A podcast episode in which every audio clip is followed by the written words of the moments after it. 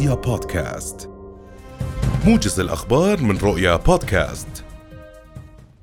قرر رئيس مجلس النواب أحمد الصفدي دعوة المجلس للانعقاد غدا لمناقشة جدول أعمال الجلسة الثانية من الدورة العادية الثانية للمجلس الحالي. وتتضمن الجلسة قرار لجنة الرد على خطاب العرش بتاريخ الحادي والعشرين من الشهر الجاري والمتضمن صيغة الرد على خطاب العرش. كما سيشرع المجلس خلال ذات الجلسة بتشكيل اللجان الدائمة. التقى رئيس مجلس مفوضي الهيئة المستقلة للانتخاب موسى المعايطة رؤساء لجان الإشراف على انتخابات غرف التجارة وممثلي القطاعات التجارية في إقليم الوسط. وقال المعايطة إن إجراء انتخابات حرة ونزيهة هو مصلحة وطنية مشددا على ضرورة بناء قدرات العاملين في الانتخابات ومراجعة الإجراءات الناظمة للعملية الانتخابية واتباع ضمانات النزاهة والشفافية. قال نائب رئيس نقابة أصحاب مكاتب التاكسي والسفريات محمد الحديد قال إن أصحاب التكاسي في العاصمة يشتكون عدم استلامهم المستحقات التي خصصتها الحكومة لوسائط النقل العام بعد مرور ما يزيد على ثلاثة أشهر من صرف الدفعة الأولى من الدعم بواقع 300 دينار لكل سائق. وأضاف الحديد أنهم بانتظار موازنة السنة المقبلة لصرف الدعم بأثر رجعي. وبخصوص رفع الأجور لفت الحديد إلى أن أصحاب التكاسي لا يرغبون بذلك مطالبا بالوقوف على مشكلة التطبيقات المرخصة أو غير المرخصة نتيجة لتأثيرها على عمل أصحاب التكاسي.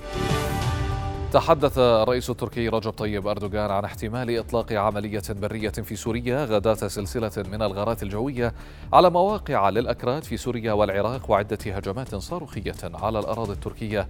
من سوريا. وجدد أردوغان أيضا تحذيراته من أن أولئك الذين يهاجمون تركيا سيدفعون ثمنا باهظا غداة شن قوات أنقرة غارات جوية على قواعد للأكراد في شمال سوريا والعراق. أطلق خفر السواحل اليوناني, اليوناني اليوم عملية لإنقاذ مركب صيد يعتقد أنه يقل مئات المهاجرين جنوب غرب جزيرة كريت. وبحسب وكالة الأنباء الفرنسية فإن نداء الاستغاثة جاء بأن ما بين أربعة إلى خمسمائة شخص على متن المركب فيما تعرقل الرياح العاتية عملية الإنقاذ. ارتفع عدد ضحايا الزلزال الذي ضرب جزيرة جاوا الغربية بإندونيسيا إلى 162 قتيلا و300 جريح بحسب وسائل إعلام أندونيسية. وتواصل فرق الإنقاذ محاولاتها المستمرة لإخراج العديد من الأشخاص المحاصرين.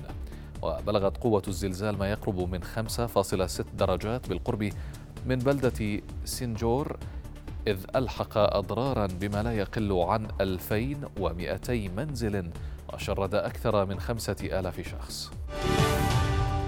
يشهد ملعب لوسيل في قطر اليوم مواجهة تجمع المنتخب السعودي مع نظيره الأرجنتيني ضمن بطولة كأس العالم لكرة القدم 2022 وتأتي المواجهة ضمن مباريات المجموعة الثالثة التي تضم كذلك منتخبي بولندا والمكسيك حيث ستقام المباراة في الساعة الواحدة ظهرا بتوقيت عمان.